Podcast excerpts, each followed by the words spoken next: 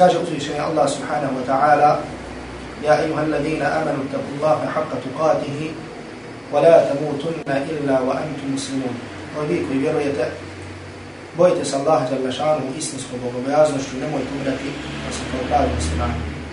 Allah subhanahu wa ta'ala molimo da nas učini od onih koji da, koji da se boje istinskom bogobojaznošću i od onih koji će umrijeti samo kao pravi muslimani. Draga braćo, večeras ćemo za Allahu subhanahu wa ta'ala pomoć se malo zadržati na jednom hadisu Allahu poslanika sallallahu alaihi wa sallam za koji mislim da bi bilo vrijedno da malo stanemo kod ovog hadisa i o njemu razmislimo i ukratko ga prokomentarišemo. A onda ćemo za Allahu Đalešanu pomoć nastaviti sa našim govorom o poslaniku sallallahu alaihi wa sallam o ovodima i njegovim bitkama. Draga braćo, ovaj hadis je zabilježi imam Ahmed u svom usnadu i također imam Tirmizi, Al-Tabarani, Hakim i Bejhaqi od Abdullah ibn Mas'ud radijallahu ta'ala anhu, tu poznatog učenog ashaba, da se Allahu poslanik sallallahu alaihi wa sallam obratio ashabima jednog dana i rekao im istahju min Allahi haqqa l-haja. Stidite se Allah šanuhu istinskim stidom ashabi Allahu poslanika sallallahu alaihi wa sallam kada su čuli ovo kažu inna nestahi kulna ja Rasulullah inna nestahi walhamdulillah. Kaže rekli smo ko ashabi? Rekli smo mi se stidimo. Allahu poslaniće hvala Allahu to jeste hvala Allahu Đerašanu pa, na, pa se stidimo. Znači tu osobinu koju su opazili da imaju kod sebe zahvali su Allahu Đerašanu na tome što im je podario tu osobinu. Pa poslanik sallallahu alaihi wa sallam kada je čuo ove njihove riječi, rekao je, lej se zaliku. To nije tako. Znači, stid nije stid ono što vi mislite da je stid. Nego je stid, odnosno onaj koji se stidi, kaže poslanik sallallahu alaihi wa sallam, فَلْيَحْفَذِ الرَّأْسَ وَمَا فَلْيَحْفَذِ الرَّأْسَ وَمَا وَعَا Kaže, nego onaj koji se stidi, neka čuva svoju glavu i ono što je na njoj. وَالْبَطْنَ وَمَا حَوَا I svoj stomak i ono što je na njom. وَلْيَذْكُرِ الْمَوْتَ وَالْبِلَا I neka se sjeti smrti i nestanka. Neka se sjeti smrti i nestanka. وَمَنْ أَرَادَ الْآخِرَةَ تَرَكَ زِينَةَ الدُّنْيَا A onaj koji bude, onaj koji želi ahirat, on će ostaviti ovaj svijet. Pa kad je poslanik sallallahu alaihi wa sallam nabroj ove stvari, na kojima ćemo se zadržati, obratio se ponovo ashabima, radijallahu ta'ala anhum i rekao onaj kod koga se nađu ove stvari faqad istahja min Allahi haqqan haya. Kod koga se nađu ove stvari on se Allah jalla šanuhu stidi istinskim stidom. On se Allah jalla šanuhu stidi istinskim stidom. Draga braću, kao što rekao, ovaj hadis je prije svega zabilježio imam Ahmed u svom muslimu. Zabilježio ga imam Ahmed u svom muslimu. Kada se kaže imam Ahmed, Znači, inače, kada najđete u literaturi, znači, kaže imam Ahmed ili rekao imam Ahmed, onda znajte da se misli na imama Ahmed ibn Muhammada ibn Hanbala. Ahmeda ibn Muhammada ibn Hanbala. Poznatog velikog islamskog učenjaka po kojem se i naziva po kojem se i naziva jedna od pravnih škola u islamu, jedna od četiri poznate pravne, pravne škole u islamu, a to je Hanbelijska škola, odnosno Hanbelijski mezak. Ova ima, draga braću, imam Ahmed ibn Hanbal, je bio jedan od najpoznatijih i najvećih učenjaka ovoga ummeta. On je jedan od najvećih i najpoznatijih učenjaka ovog ummeta, umro je u Bagdadu 241. godine po 241. godine po Imam Ahmed, ono po čemu je poznat i po čemu je ostao poznat u ovom ummetu jeste po iskušenju koje se desilo u njegovom vremenu, po iskušenju koje se desilo, po iskušenju koje se desilo u njegovom vremenu. A to je da je za vrijeme imama Ahmeda da su na vlast bili došli jedna sekta koja, su, koja se zvala Mu'tazila. U to vrijeme, znači vladari, su približili sebi učenjake iz reda jedne sekte koji su se zvali Mu'tazila. Mu'tazili su bila jedna od sekti koja je davala važnost razumu. Odnosno, razum mu je davala prednost nad onim što je došlo u Kur'anu i Sunnetu. Pa oni ne da su odbacivali ono što je došlo u Kur'anu i Sunnetu koliko dođe u suprotnosti sa razumom, nego su mu davali tumačenje onim stvarima iz Kur'ana i sunneta, oni su rekli, jeste, to je došlo u Kur'anu, došlo u sunnetu, međutim, davali su takvo tumačenje kako bi odgovaralo, kako bi odgovaralo razum. I veliki broj učenjaka u tom vremenu je došlo na iskušenje. Znači, radi straha od vladara, znači nisu smjeli da ustanu i da šta? I da dignu svoj glas. Ili su bili pozatvarani, ili su bili prisiljeni da šute i tako dalje. Za razliku od imama Ahmeda, za razliku od imama Ahmeda koji je ustao u to vrijeme, jedan od rijetkih, znači jedan od rijetkih pojedinaca koji su ustali i koji nijedne sekunde nije tijelo da se pokori ovom mišljenju. I onda, znači, To je bilo jedno veliko iskušenje kroz koje je prošlo Imam Ahmed, znači gdje je bio udaran, gdje je bio udaran sve dok nije padao u nesvijest, međutim, pored svega toga je ostao postojan. I onda Allah Đalešanu je dao normalno, znači svake muke, znači za svaku muku ima rješenje, pa je došlo vrijeme kada su ljudi prihvatili, znači kada se masovno odazvali mišljenje imama Ahmeda, kada su vladari preokrenuli svoje mišljenje, kada je ponovo ehli sunnata al džamata, odnosno pravca ehli sunnata al džamata, kada je došlo šta? Kada je došlo na vlast. Također ovaj hadis zabilježi imam Tirmizi, Muhammed ibn Isa, Ebu Isa. Muhammed ibn Isa, Ebu Isa, umro od 272. 279. godine u Tirmizu, u Tirmizu, o čemu se zove i Tirmizi. Također ga zabilježi imam Tabarani, koji se zove po Tabarani, po gradu Tabereje, po gradu Tabereje, to je jedno od mjesta u Palestini, znači u današnjoj Palestini. I ono što je karakteristično za ovog učenjaka, jeste da ima dug život. Znači ovaj učenjak ima Tabarani, koji je, znači, svi su oni od sakupljača hadisa, znači imaju svoje zbirke, Imam Tabarani je živio preko stotinu godina. Imam Tabarani je živio preko stotinu godina, živio je stotinu godina i deset mjeseci. I ako se sjećate, spomnjali smo na hadis koji je zabilježio Imam Tabarani, u kojem posak, u hadisu kojem Allah poslanik sallallahu alaihi wa sallam kaže, došao mi je Džibril, pa mi je rekao, Muhammed, živi koliko hoćeš, jer ćeš umrijeti. Znači Allahu Đalešanu mudrost je bila da taj hadis upravo zabilježi imam Tabarani. Pogledat imam Tabarani živio koliko? Preko 100 godina. I također da ga od poslanika sallallahu alaihi wa sallam prenese ashab koji se zvao Sahel ibn Sa'ad as-Sa'idi radijallahu ta'ala anhu koji je također živio preko stotinu godina. Koji je također živio preko stotinu godina.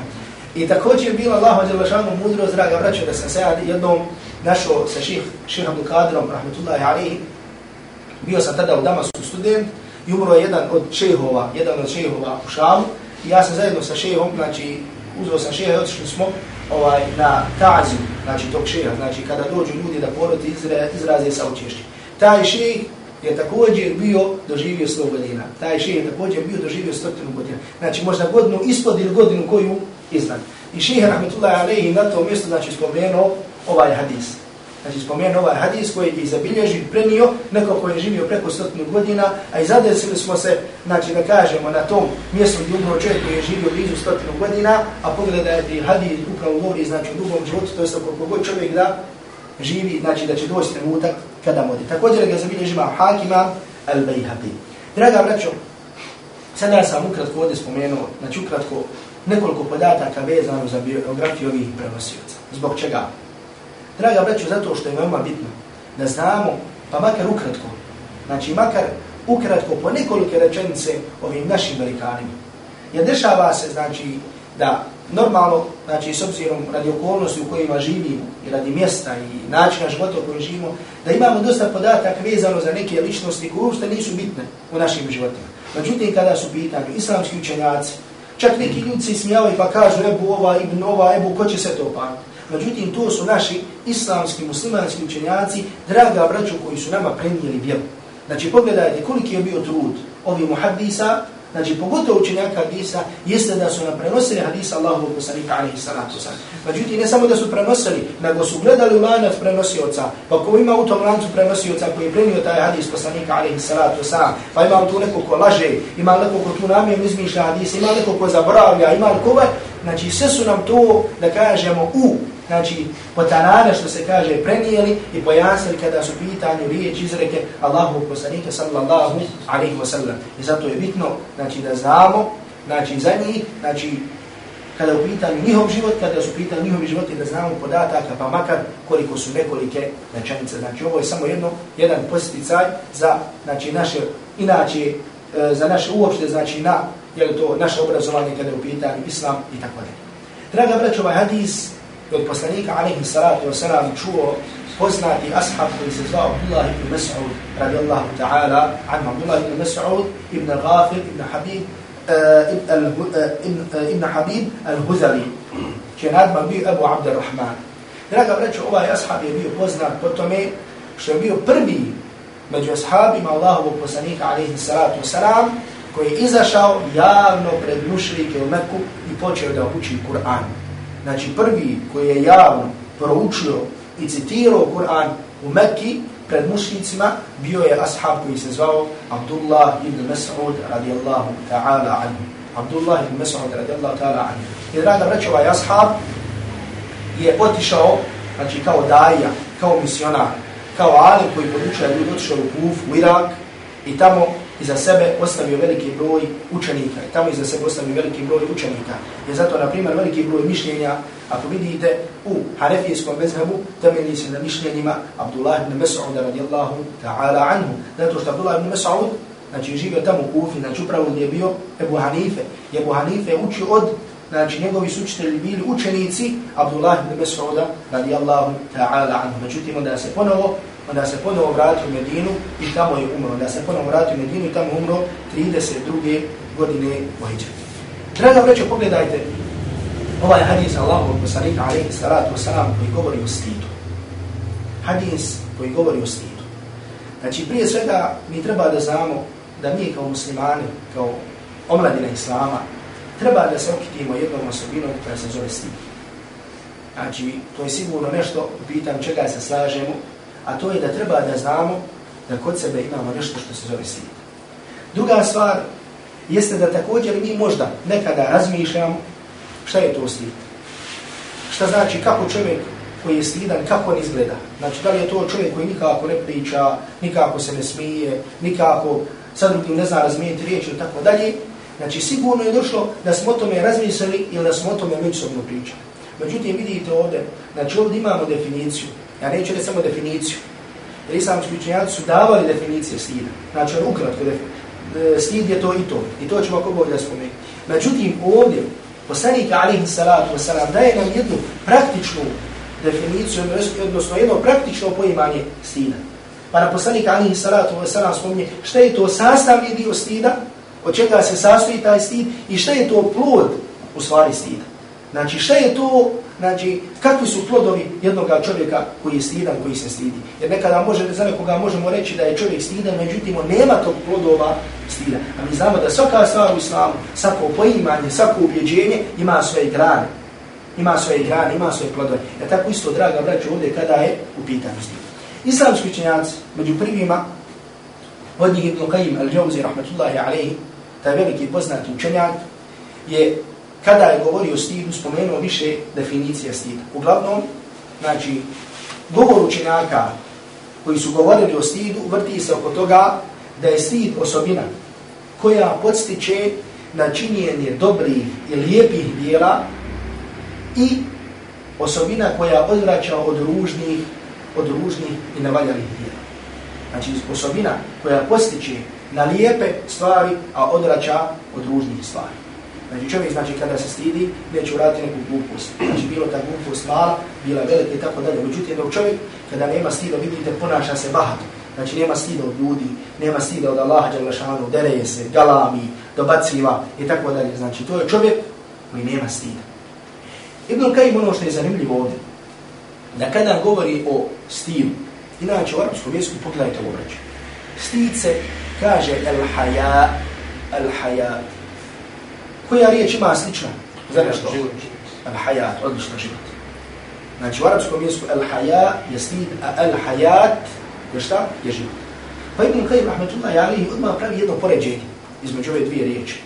Pravi jedno poređenje između ove dvije riječi, a to je šta? Kakve veze ima stid sa životom? Kakve veze ima stid sa životom? Pa kaže da ono srce, ono srce u kojem ima život. Znači normalno mi mislimo kada kažemo život prije svega podrazumijeva imanski život, ono srce u kojem ima života, koje je napunjeno imanom, da taj čovjek automatski ima stida. A da ono srce u kojem nema imana, znači automatski nema stida. Ili da kažemo bolje, koliko čovjek u svom srcu ima života, kada je u pitanju iman, toliko se znači to vidi na njegovim dijelima kada u pitanju stid i tako dalje. Znači pogledajte također jednog zapažanja koji spominje Ibn Qayyim rahmatullahi Ali. Draga vrećo, također islamski učenjaci, kada su govorili o stidu, stid su dijelili na tri vrste. Prvo je stid prema Allahu Đalešanu. Drugo, stid od ili prema ljudima. I treće, stid prema samom sebi. Ili da kažemo od samog sebi. Kada upitali, draga braću, stid od Allaha Đalešanu, što znači stid od Allaha Đalešanu?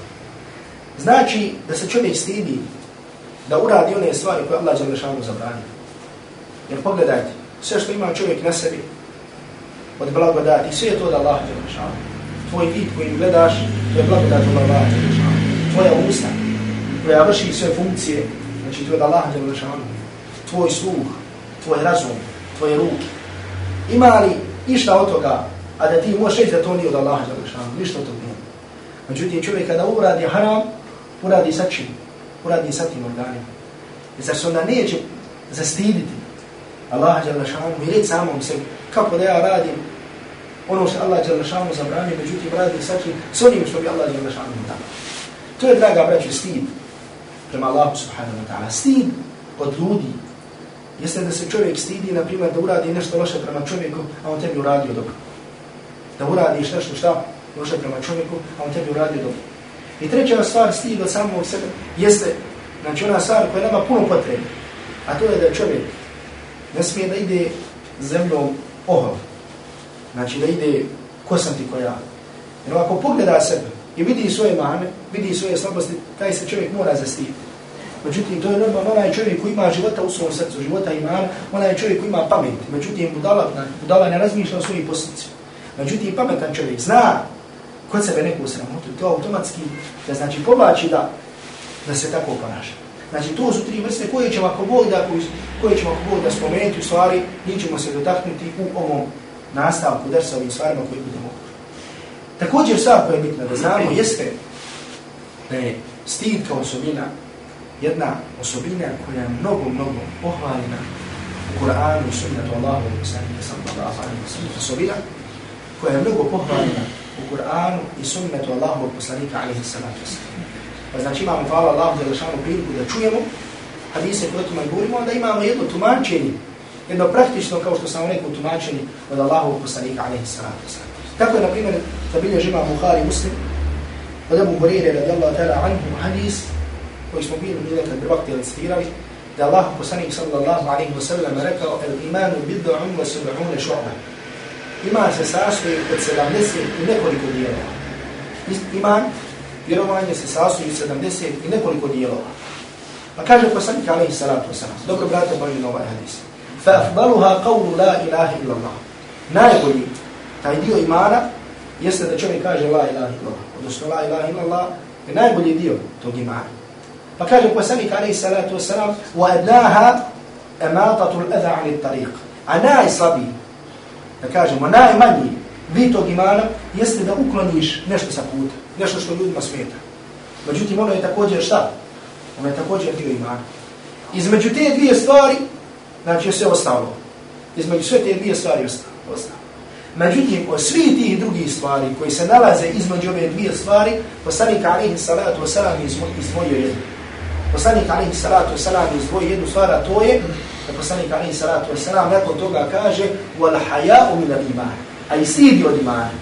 Znači pogledaj kako poslanik alaihi salatu wasalam kaže. Najbolje Allah ilaha ila Allah najmanje šta da skloniš puta ono što smeta. Pa kaže poslanik wala haya'u min al-iman i stid je dio imana. Znači u svih tih stvari draga braću koje se nalaze između ove najbolje i ove najmanje znači poslanik alaihi salatu wasalam radi važnosti radi važnosti toga izdvaja jednu osobinu koja se zove stid. Pa je tako također zabilježi ima Buhari od Ibn Omara radijallahu ta'ala anhu, da je poslanik alihi salatu wasalam prošao pored brata, prošao pored čovjeka, marra bi rađulin vahuva ja'idu ahahu. Da je prošao pored čovjeka kojeg je, znači prošao pored čovjeka koji drugog savjetovao fil haja, savjetovao ga u stilu Kad ga savjetuo stidi, govorimo nemoj se vala stidi, šta se toliko stidi, šta podaj. Znači govorimo da, se, da, da se puno ne stidi. Pa poslanik alihi Salatu Salam kada je to čuo, rekao je da'u, ostavi ga. واستبيب ان كاجي فإن الحياء من الإيمان يرتاجي والاستيد يوم معنا واستبيب أنا ما بقول ده سيستيد يعني كاجي بسنيك عليه الصلاة والسلام استيد ساسان ديو إيمان. اي تاكوجي شتا زابيديش امام بخاري وده مسعيد الخدري رضي الله تعالى عنه ده الله بسنيك صلى الله عليه وسلم ركاو إن مما أدرك الناس من كلام النبوة الأولى إذا لم تستحي فاصفى معاشك Jer poslanik alaihi salatu salam, ono što su ljudi zapamtili, od prijašnjih poslanika, od govora prijašnjih poslanika, jeste, jeste, idha lam tastahi fasma ma'šit, Jeste, kada se ne stidiš, radi što hoćeš. Kada se ne stidiš, radi što hoćeš. Znači čovjek kada nema stida, onda može da radi kako hoće. Čovjek kada nema stida, onda može da radi kako hoće, može da radi što hoće. Ne uzme obzir pred kim šta kaže, kako šta kaže, tako dalje. Znači, znači ovdje, kao da poslanik alihi salatu wasalam prijeti. Ako se ne stidiš, možeš reći šta hoćeš. Međutim, za svaku stvar koju čovjek izgovori, svaka stvar koja izađe iz čovjekovi usta, zato će čovjek posebno, zato će čovjek posebno odgovarati. I zato, draga braćo, da vidimo kako nas poslanik, alaihi salatu wasalam, savjetuje. Poslanik koji Allah Đelešanu mu poslao nama kao, kao milo svijetom. I pogledajte sad ovdje praktično što znači da je poslanik, alaihi salatu wasalam, milost svim svjetovima. Ne kaže Allah Đalašanu da je on milosti prema svjetom, nego kaže on je milost, on je sam milost. I pogledajte kako nas ovdje poslanik alaihi salatu wasalam podučava jednom i i daje nam do detalje primjere i pojašnjava nam šta znači da se stidimo Allah Đalašanu. Međutim, sada je na nama da li će to ući u naše srce i da li ćemo to sprovesti u praksu. Pa kaže poslanik alaihi salatu wasalam فَلْيَحْفَذِ الرَّأْسَ وَمَا وَعَا Onaj koji hoće da se stidi, neka čuva svoju glavu i ono što je na njoj. Znači, nakon što su posla, nakon što se sahabi Allahu poslanika, alaihi salatu wasalam, rekao, mi se stidimo Allahu poslanić, hvala Allahu jel mašanu. Jer oni su mislili da je stid ono šta, onaj opšte poznati stid.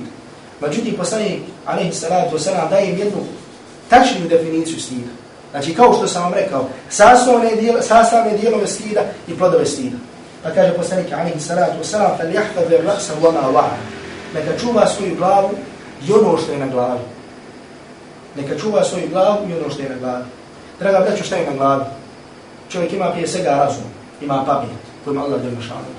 I zato mi, hvala Allahu djelma muslimani, propisi koji su nam došli u ovoj vjeri, znači čuvaju naš pamet, čuvaju naš razum.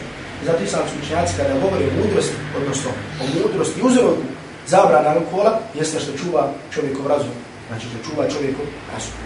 Međutim, druga stvar koju imam također, jeste da imamo sluh, da imamo usta i da imamo oči. Ove tri stvari, draga braćo, radi koji čovjek ulazi u džahnem. Znači jedna od stvari radi koji će najviše ljudi biti bačeni u džahnem, jeste upravo radi ovih stvari ili radi možda posebno jedne od njih koja se nalazi među ovih stvari. I zato dobro obratite pažnju na to. Da ove stvari koje nam je Allah dao, Sve što je Allah Đelešanu stvorio na nama, stvorio je radi jedne stvari. A to je radi čega? To je radi badita. Allah Đelešanu nam je dao sluh radi badita. Dao nam je usta radi badita. Dao nam je oči radi badita. I drugi je stvar da ne nam A tako ušima šta? Slušamo. Slušamo ovo znanje. Slušamo Kur'an. Slušamo sunnata Allahu od poslanika alaihi salatu sallam. I hvala Allahu Đelešanu učimo i trudimo se. Za razliku danas od ljudi koji slušaju stvari koje Allah Đelešanu zabrani. A među stvarima koje je najviše proširena jeste nešto što se zove muzika. Zato pogledajte koliko hadisa i kuranski ajeta u čim se komentaru kaže da je muzika zabranjena i hadisa Allahovog poslanika alihi salatu wasalam u kojima se govori o zabrani muzike. Međutim, danas neki ljudi uporno kažu muzika nije zabranjena ni u Kur'anu ni u sunnetu. Normalno, mi se sada nećemo osvrćati na tu temu, znači nije sada ovdje tema da spominjemo te dokaze. Međutim, E, ne samo da ovdje kažemo kako je muzika zabranjena, nešto što je Allah Đelešanu zabranjena, nego ćete vidjeti kako ljudi skoro da su počeli da kažemo neki obožavaju, a neki skoro da obožavaju tu muziku. I pogledajte kako je ta muzika, kako je to postala, kako je to postalo sastavni dio njihovog života. Kako je navelo da se okrenu od Kur'ana radi te muzike. I zato vidiš kada čuju kako se raduju, kako manitaju, kako plaču, kako se smiju i tako dalje. Zbog čega, draga braću? Zato što su i njihove strasti odvale do toga. Znači, njihove strasti su i odvale do toga. Allah Đalešanu strasti, za strast nam kaže da to postaje božanstvo. Znači nisu samo božanstvo, nisu samo božanstvo ono što ljudi misle, znači su da dođe neki klanja se nekome, klanja se kipu, klanja se umi. Allah Đalešanu kaže Fara'ajta man ittahada ilahamu havahu. Kaže se ti vidio onoga koji je svoje strasti uzeo za Boga svog. I sam ti vidio onoga koji je svoje strasti uzeo zašto? Za svog Boga, za svoje božanstvo. Wa adallahu Allahu ala ilmi. Pa ga Allah jalla šanu i radi iz njegovog znanja ode u zavod. Pogledajte, draga braća, ovog izraza kuranskog koji treba da vam ostane u glavama, Svima nama treba da bude u glavama. Wa اللَّهُ عَلَىٰ ala ilm. I Allah ga odveo u dalalet, odveo u zabludu pored njegovog znanja. Znači da je čovjek imao znanje. Međutim, Allah će lešanu ga odveo u zabludu. Odveo ga u dalalet. Radi čega? Radi prethodno spomenute, radi prve stvari. A to je zato što je slijedio svoje strasti. To jeste slijedjenje strasti odvodi čovjeka u dalale da ne znam koliko ima znanja. Zapamtite, znači da čovjek, koliko god imao znanja, da ga njegove strasti odvode, odvode, odvode ga u dalale.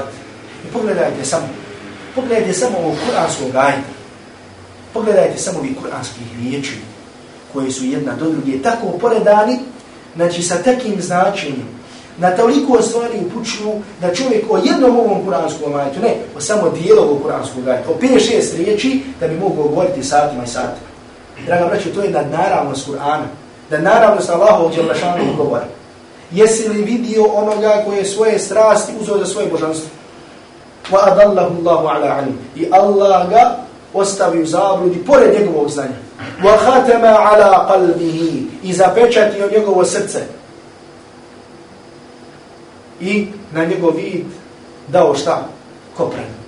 Znači, pogledajte šta strasni čini. Zato vidite ljudi, koji se toliko, toliko odaju tim pjevačima, tim pjevačicama i tako dalje, znači da je to nešto što je ušlo u njihovu krv, ušlo nešto u njihovo mjesto. Znači on kad vidi, znači on plaće, smije se, raduje se, skače, ne zna više šta će od sebe. Šta je to? Je to ono, je to nešto što je Allah Đelešanu dozvolio? Je to nešto što je Islam dozvolio? Znači, prepisivanje toga, da je Allah Đalešanu dozvolio takve stvari. Znači, To je od stvari koja može da bude kufir da Allah Đelešanu sačuva. Da rekneš da Allah Đelešanu dozvolio nešto tako. Zato, draga braću, da nas Allah Đelešanu sačuva. Da nas Allah Đelešanu sačuva od slijedjenja strasti. Jer nešto najviše za što će se čovjek treba bojati u svom životu jeste slijedjenje strasti. Jer pazite, više vrsta slijedjenje strasti. Nije samo slijedjenje strasti i žena i metak, ko što ljudi misle, ne. Nego ima još vrsti strasti. Da čovjek ode možda i neko poimanje islama koje je njemu lakše. Pa ovdje neko, jedna krajnost ode u poimanje islama, hajde može sve. Ono, bit ću musliman, klanjaću, on može i ovo može. Druga ode u drugu krajnost. Drugu strasti njihove, ništa drugo nego strasti. Vedu to da kažu, ma svi su čafri, svi muslimani su čafri. I neki, neki dan poslom jedan pravomjerni, jedan muvahid, koja Allah Đalešanu ispravno pod navodnicima obožava, poslao jednu ilahiju, kaže, pogledaj, Kaže, vidi, brate, kaže, fina ilahija. Ja tamo kad ilahija, ono ilahija tekst, ono ljudi čine, ljudi misle da Allah obožavaju, a aširku mu čine u džahenom će tako dalje. Kad tamo prizori sve muslimana, ono prizor, ono slika hiljadama muslimana pali na seđdu, oni te prizor uzimaju u smislu kako će ti ljudi u džahenom. I onda poslije toga dolaze crteži, pazite, crteži, ljudi, znači crteži džahennama. Znači, ko ovako vatra, tamo neka čudovišta, izlaze, ko to su ljudi, to su ljudi, znači koji gore u džahnemu, ali kako to povezuju, znači sa tim slikama, to su stvari, znači muslimani, oni su prije toga e, spome, tu došli sa slikama masa muslimana, znači u haramima, iz Mekanskog, iz Medinskog harama, imami harama, znači je sve istavljeno u kontekst kako će završiti u džahnem radi svog širka i tako dalje. Znači šta je to? Znači ponovo kaže šta je to? Ništa druga, draga braća, nego strast. I nema tu da čovjek kaže, oni vole Allah i poslanika. To ko voli Allah i poslanika, to je njegova stvar. To je privatna stvar. Međutim, čovjek nekada i pod imenom ljubavi prema Allahu, prema Allahu Đalmešanu i prema poslaniku alaihi salatu wasalam, radi svojih strasti ode u takvu stvar, međutim, to je druga. Međutim, vratimo se ovdje riječima Allahu poslanika alaihi salatu wasalam, gdje kaže neka čuva svoju glavu i ono što je na njoj. Draga braćo, čuva svoj pogled, da ne gleda ono što Allah Đelešanu zabranio. Jer draga braćo, Allah Đelešanu kaže, reci vjernicima neka obore svoje poglede.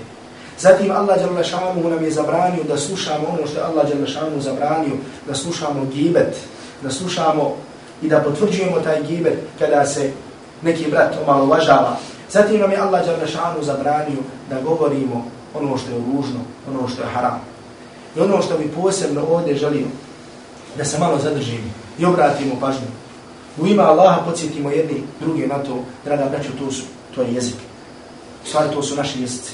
Kao što je zabiljež imam termizi u svom sunanu, od Ebu Sa'ida al-Hudrija radijallahu ta'ala anhu, da Allahu poslanik sallallahu alaihi wa sallam kaže da svaki dan, da svaki dan, kada ida asbaha ibn Adam, svaki dan kada osvane, kada osvane čovjek, sin Adama, kaže fa inna al-a'da'a tukaffiru al-lisan. Kaže svaki dan kada čovjek osvane, kaže svi dijelovi tijela se obraćaju jeziku. Svi dijelovi tijela se šta? Obraćaju jeziku. I govore mu ittaqi Allaha fina. Boj se Allaha radi nas. Boj se Allaha radi nas. Fa innama nahnu bike. Jer kaže mi smo sa tobom. In istaqamta istaqamna. Ako ti budeš na pravom putu, jezik, kaže mi ćemo biti na pravom putu. Wa in i'wajajta i'wajajna. Ako ti skreneš sa pravog puta, onda smo mi i mi skrenuli. Znači od svi ovih stvari, draga braću koji smo spomenuli, čovjek posebno treba dobrati pažnju na svoj jezik. Jer o stvarima, znači kolika je opasnost jezika, mogli bi se zadržati posebna predavanja da o tome govori. Spomnjali smo hadis gdje poslanik Ali Salatu Salam kaže da će čovjek reći jednu riječ koja je Allah vađa lešanu u srđba, pa da će koliko biti u žahnemu 70 godina. Također poslanik Ali Salatu Salam kaže da će čovjek izgovoriti riječ, neće voditi računa o njoj. Neće voditi računa o njoj, da će biti bačen u žahnem koliko između istoka i zapada. Znači pogledajte šta čovjek može da uradi svojim jezikom. I zato Allah poslanik alaihi salatu salam u jednom velikom hadisu, jednom dužem hadisu, kada je savjetovo Muaz ibn Jabala, radijallahu ta'ala anhu, savjetuje poslanik alaihi salatu wasalam tog velikog, njemu dragog sahaba koji se zvao Muaz ibn Jabal, da mu kaže poslanik alaihi salatu wasalam, wa kuffa alaika hada, i čuvaj ovo. Čuvaj ovo. Šta? Čuvaj jezik. Pa Muaz ibn Jabal se obrati poslaniku alaihi salatu wasalam i kaže, ja Rasulallah, wa inna la muahiduna bima natakallam. Kaže Allah poslaniče, sad ćemo odgovarati. Zar ćemo odgovarati, zar ćemo polakati račun za ono što govori. Za ono što izađe iz naših usta. Pa kaže poslanik sallallahu alaihi wa sallam, tako letke umuk. To je jedan bio izraz koji dara po u smislu majke te ne imali. Znači nisu misli, znači nije poslanik alaihi sallatu wa sallam ovdje misli bukvalno dovu. Majka te ne imala. Znači nije ga poslanik alaihi sallatu wa sallam proklinio, nego ono što mi kažemo nekad da Bog da te bilo, znači, pazi šta govoriš. On kaže poslanik alaihi salatu wasalam, وَهَلْ يَكُبُّ النَّاسِ وَهَلْ يَكُبُّ النَّاسِ فِي النَّارِ عَلَى وُجُوهِهِمْ إِلَّا حَصَائِبُ أَلْسِنَتِهِمْ Zar će ljudi, zar će ljude bacati u džahennam na njihova lica išta drugo osim onoga što su posijali njihov jezici. Zar će bacati u džahennam, u vatru, išta drugo osim onoga što su posijali njihovi jezici. Pogledajte, draga braća. Znači, pogledajte ovaj hadis. Znači, ono što su posijali njihovi jezici, da će to bacati ljude u džahnem i vrate se na onaj drugi hadis. I Allah poslanik hadis to sam kaže da to može biti samo jedna riječ. Da to može biti samo jedna riječ. I zato, draga braću, ušima, slušamo, Allah Đelešanu nam je podario da čujemo, da možemo da saznamo, da čujemo, da to sprovedemo u praksu. Pa zato da čujemo zato da pročitamo svojim očima, da vidimo šta je Allah Đalešanu i njegov poslanik sallallahu alaihi sallam, šta su zabranili kada je u pitanju jezik. I da vodimo računa o tome. Da vodimo računa svaku riječ koju čovjek izgovara, da mora dobro da izvaga. Svaku riječ koju čovjek izgovara, draga braćo, dobro mora da izvaga. Jer naš poslanik sallallahu alaihi sallam nam kaže da radi samo jedne riječi da čovjek može biti bačen u džahannama maliko na. Zatim druga stvar koju spominje poslanik sallallahu alaihi wa sallam jeste da kaže wal yahtadil batna wa ma hada. I neka čovjek čuva šta? Svoj stomak i ono što je na stomaku. Ono što je na stomaku i ono što je oko stomaka. Međutim, ono da spomenemo, znači, što je posebno ovdje izrazito, radi čega čovjek može, može da ode u džahnem, draga braćo, jeste ishrana, jeste ishrana i njegovo piće, i druga stvar jeste polni organ. I druga stvar jeste polni organ. I zato, kao što je zabiljež ima muslim, u svom sam njihovu debu Hureyre, radijallahu ta'ala alihi, da je poslanik alihi salatu salam spomenuo jedan hadis u kojem kaže da Allah do, lijep, dobar, prima samo što je lijepo, prima samo što je dobro, i onda kaže, thumma dekara rađula yutilu safar, Pa je zatim, kaže poslanik alihi Salatu salam spomenuo čovjeka koji je na putu, na dugom putu. Zbog čega na dugom putu? Zato što čovjek kada je na putu, njegova se doba prima. Kada je čovjek na putu, njegova se doba prima. Zato ti sad putiš, sjeti nam se da posebno meni. kaže, u tilu safar, on je na dugom putu. Kaže, eša'ath akbar. Znači, on je ono, ljudi kada ga vide, znači, omalovažili bi. Kaže, Međutim, on Allahu Đalešanu upućuje dovu. Ja kulu, ja rab, ja rab. On Allahu Đalešanu upućuje u takvom stanju dovu. I govori, ja rab, Allahu, Allahu. Međutim, kaže poslanik alihi salatu wasalam, wa mata'amuhu haram. Znači ono što jede, to je haram. Wa mašarabuhu haram. Ono što pije, to je haram. Wa malbasuhu haram. Ono što nosi, to je haram. Znači ponovo haram za, za rad. Wa gudhije bil haram. Znači sad njegova ishrana je haram. Pa kaže poslanik sallallahu alaihi wa fa anna yustajabu lahu, pa kako njemu da se odazove? Kako da se njemu odazove na njegovu? Zato, draga braću, sad kod nas ima, draga braću, sad kod nas ima potrebu da Allahu Đalešanu šanu uputi neku dobu. Međutim, kao što smo rekli, znači, ta doba ima svoj put do Allahu Đalešanu, koji ako je zatrt, znači ne može doba da dođe do Allahu Đalešanu. a ti harami su te prepreke koji mogu da budu ti harami su te prepreke. Zato jedna od osnovnih stvari jeste da čovjek jede, da čovjek pije ono što je Allah Đalešanu zabrani, znači to je prepreka. A od osnovnih stvari znači da se čuvaš od onoga, da čuvaš svoju hranu, da čuvaš svoje piće, da vodiš računa o tome.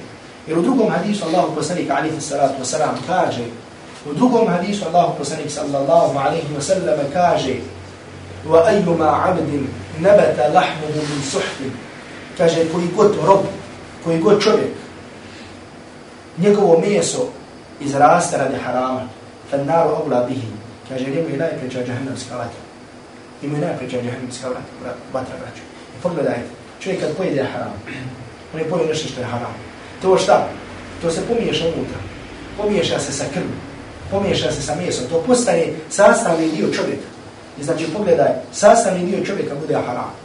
Kako će Allah Đelešanu dati beričet?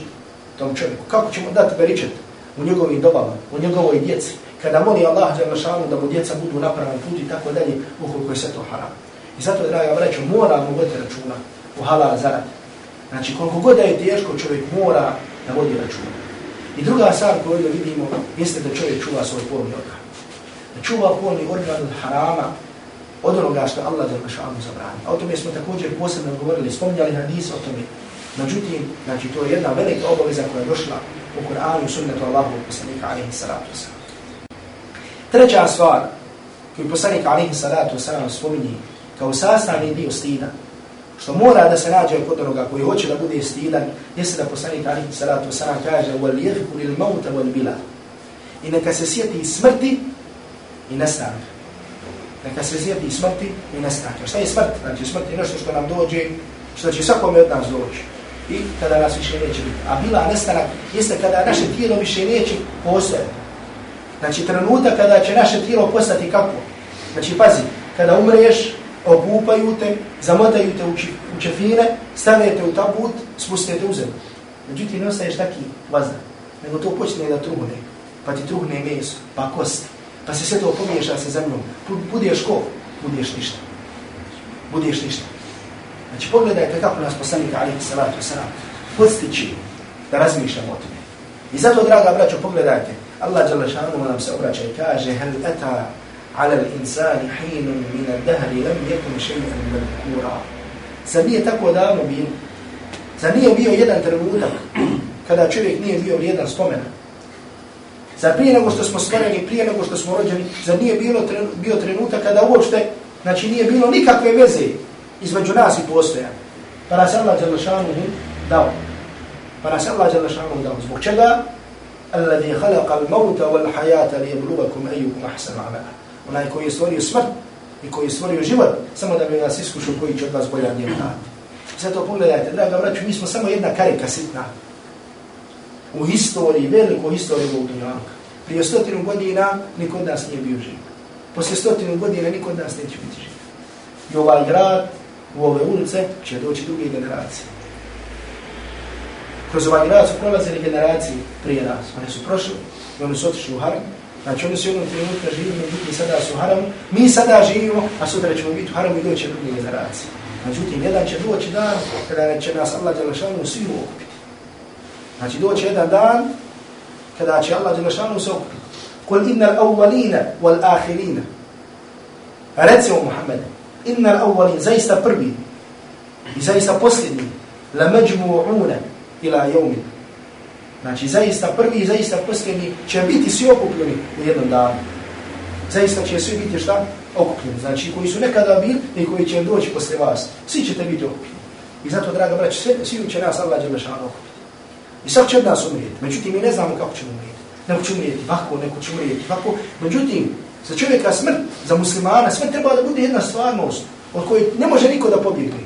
I zato pogledajte kako poslanik Alihi Salatu Wasalam. Nas, znači nismo mi ljudi koji je ovoliko spomenuli, da moj meni spominjati smrt. Što onaj, jedan brat kad kaže, kaže držao predavanje smrti, došli djeli, kaže moj ja sam. Brat kad je bilo vam kaže, mi smo srčani bolesnici, na moj nama spomnio. Međutim, čovjek, musliman, bio srčani bolesnik, ne bio. Znači, za njega je smrt nešto normalno, isto kao što je normalan život. I zato poslanik Alihi Salatu Salam kaže, pogledaj, da čovjek musliman ne smije, znači ne treba da zanoći jednu noć ili dvije noći, a da nema napisano na svijetu. A da nema napisano vasijet. Znači, odmah ovdje da znamo, znači da je od sunnata da čovjek ima napisano vasijet. Znači, znači, da ostavi oporuku. Znači napisan ljudima poslije da se boje Allah djelašanu, bojte se Allah djelašanu, postupite sa mnom, da primjer tako i tako, neka me zakopajte me da sve bude po sunnetu poslanika alaihi salatu wasalam, što imam imetka, metka, ako želiš da ostaviš vasijet nekome i trećinu, ostavljam to mitom, tako dalje. Međutim, pogledaj, poslanik alaihi salatu wasalam kaže da muslima ne smije, ne bi trebao da zanoći noć, dvije noći, a da nema vasijet napisan pored svoje glave. Znači, smrt je nešto sa čim normalno živimo, da tako kažemo u ovom životu. I zato pogledajte kako poslanik alaihi Salatu Wasalam nas postiče da, da se sjećamo te smrti. U drugom hadisu Allahu poslanik alejhi Salatu Wasalam kaže mnogo se sjećate. U drugom hadisu Allahu poslanik alejhi Salatu Wasalam pa se znači, draga braćo nema razlike čovjek bio mlad, bio star. Ekfiru zikra hadim ili letna. Mnogo se sjećajte onoga koga koji ništava sve strasti. Onoga koji ništava sve strasti, to je šta? To je smrt. Znači, poslanik alejhi salatu wasalam nam je preporučio da se mnogo sjećamo smrti I da kaže poslanik alihi salatu wasalam وَمَنْ أَرَادَ الْآخِرَةَ تَرَكَ زِلَةُ الدُّنْيَا A onaj koji bude htio ahiret, znači pogledajte sad, plod tog stida, onaj koji bude htio ahiret, on će ostaviti ukrase dunjavuka. On će ostaviti ukrase dunjavuka. Draga vreću, ja misli se da su dunjavučke stvari zabranjene, da je dunjavuk haram, nije.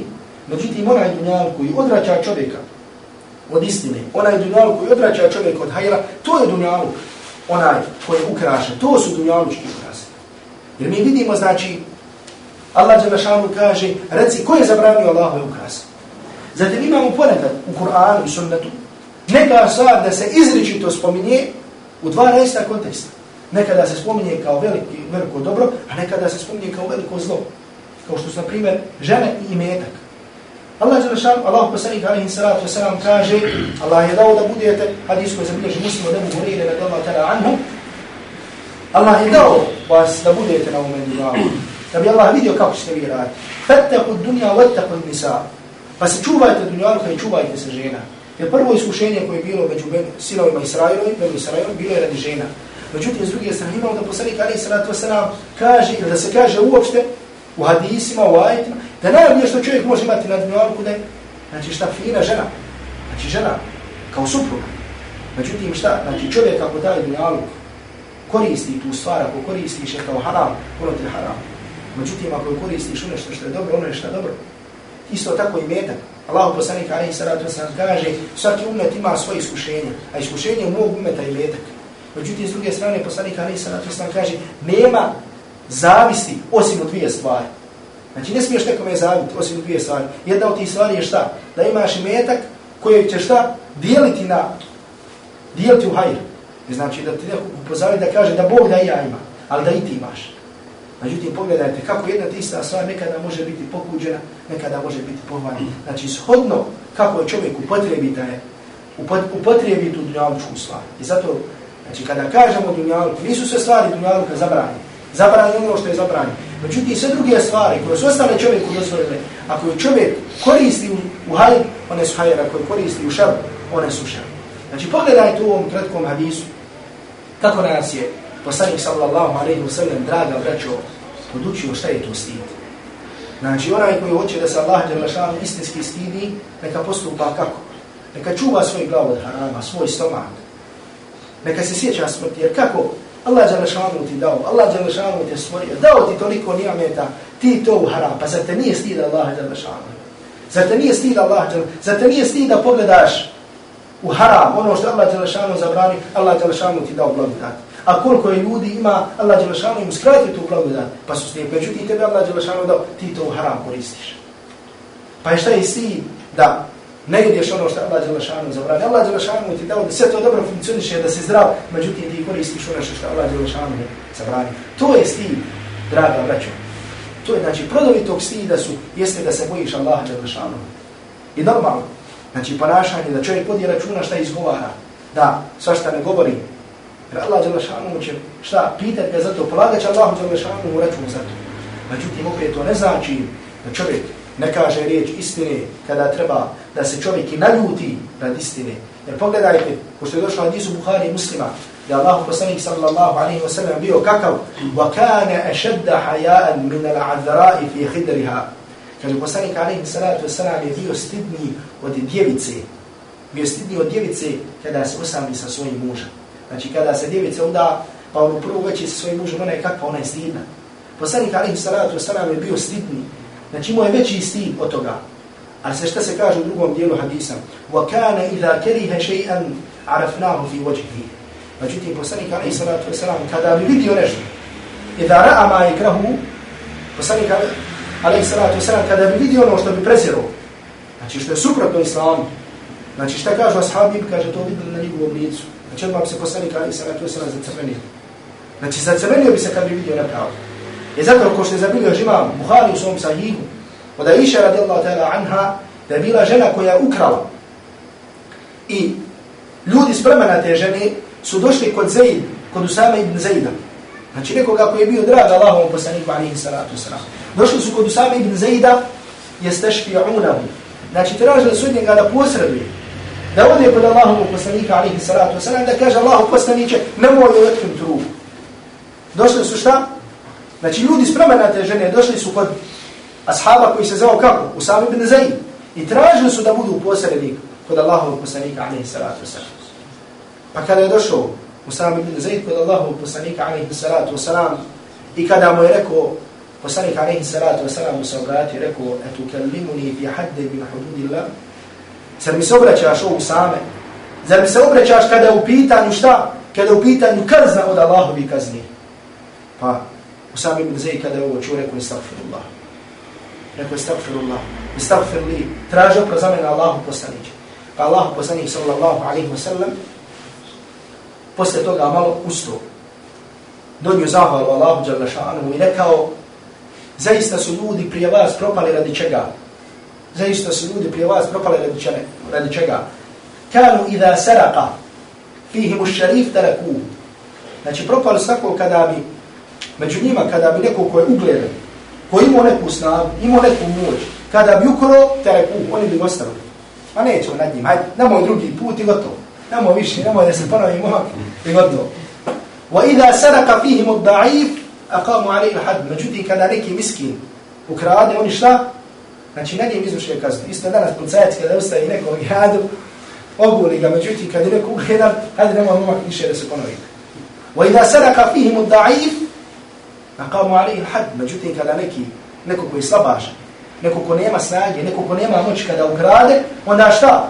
Onda uspostavi nad njim Allahu djela šanuhu kaznu. Znači, isto danas ima u arapskom svijetu.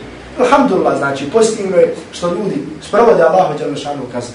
Međutim, sprovodi se, ne sprovodi se tamo kazna kada neki princ ili neka princeza kada bludniče, kada zinaluče, kada pjolko ili tako dalje, ne, nego njima se međutim kad neki je tamo jadni uradi neki grih, onda se na njim sprovede kazna. Pa kaže poslanik alaihi salatu sana nakon što je rekao وَالَّذِي نَفْسُ مُحَمَّدٍ بِيَدِهِ I tako mi onoga u čijoj ruci Muhammedova duša. لَوْ أَنَّ فَاطِمَةَ بِنْتَ مُحَمَّدٍ سَرَقَتْ لَقَطَعْتُ يَدَهَا Tako mi onoga u čijoj ruci Muhammedova duša, kada bi Fatima, čerka Muhammeda ukrala, ja bi joj otkinuo ruku. Tako mi onoga u čijoj ruci Muhammedova duša, kada bi Fatima, čerka Muhammeda ukrala, ja bi joj otkinuo ruku. Ja bi otkinuo ruku. Pogledajte, znači, draga braću, ovdje. Znači šta hoćemo da povežemo, kako poslanik alihi salatu salam je bio stidan, kakav je imao stid. Međutim, taj stid ne smije da čovjeka odvrati od hajra. Znači taj stid, neko je znači previše stida, pa kada vidi nešto, ne smije nešto od stida. Kada vidi ovo, neće ovo od stida. Znači stid ne smije, znači koliko je god, znači rekli smo da je stid nešto što podstiče na činjenje dobra, a odvraća od loša. Znači ne smije da čovjeka dovede u tu priliku, da ga odvraća od dobra, a da ga tjera znači da čini nešto što je loše, da prišuti kada je u pitanju nešto loše, tako da. Molimo Allah subhanahu wa ta'ala da nas okoristi od onoga što smo spomenuli ovdje od kuranske ajeta i hadisa Allahu poslanika sallallahu alaihi wa sallam i da nas učini od onih koji će se stiditi istinskim stidom, onako kao što je došlo u hadisu Allahu poslanika sallallahu alaihi wa sallam i da nas učini od istinskih i iskrenih sljedbenika sunnata Allahu poslanika sallallahu alaihi wa sallam.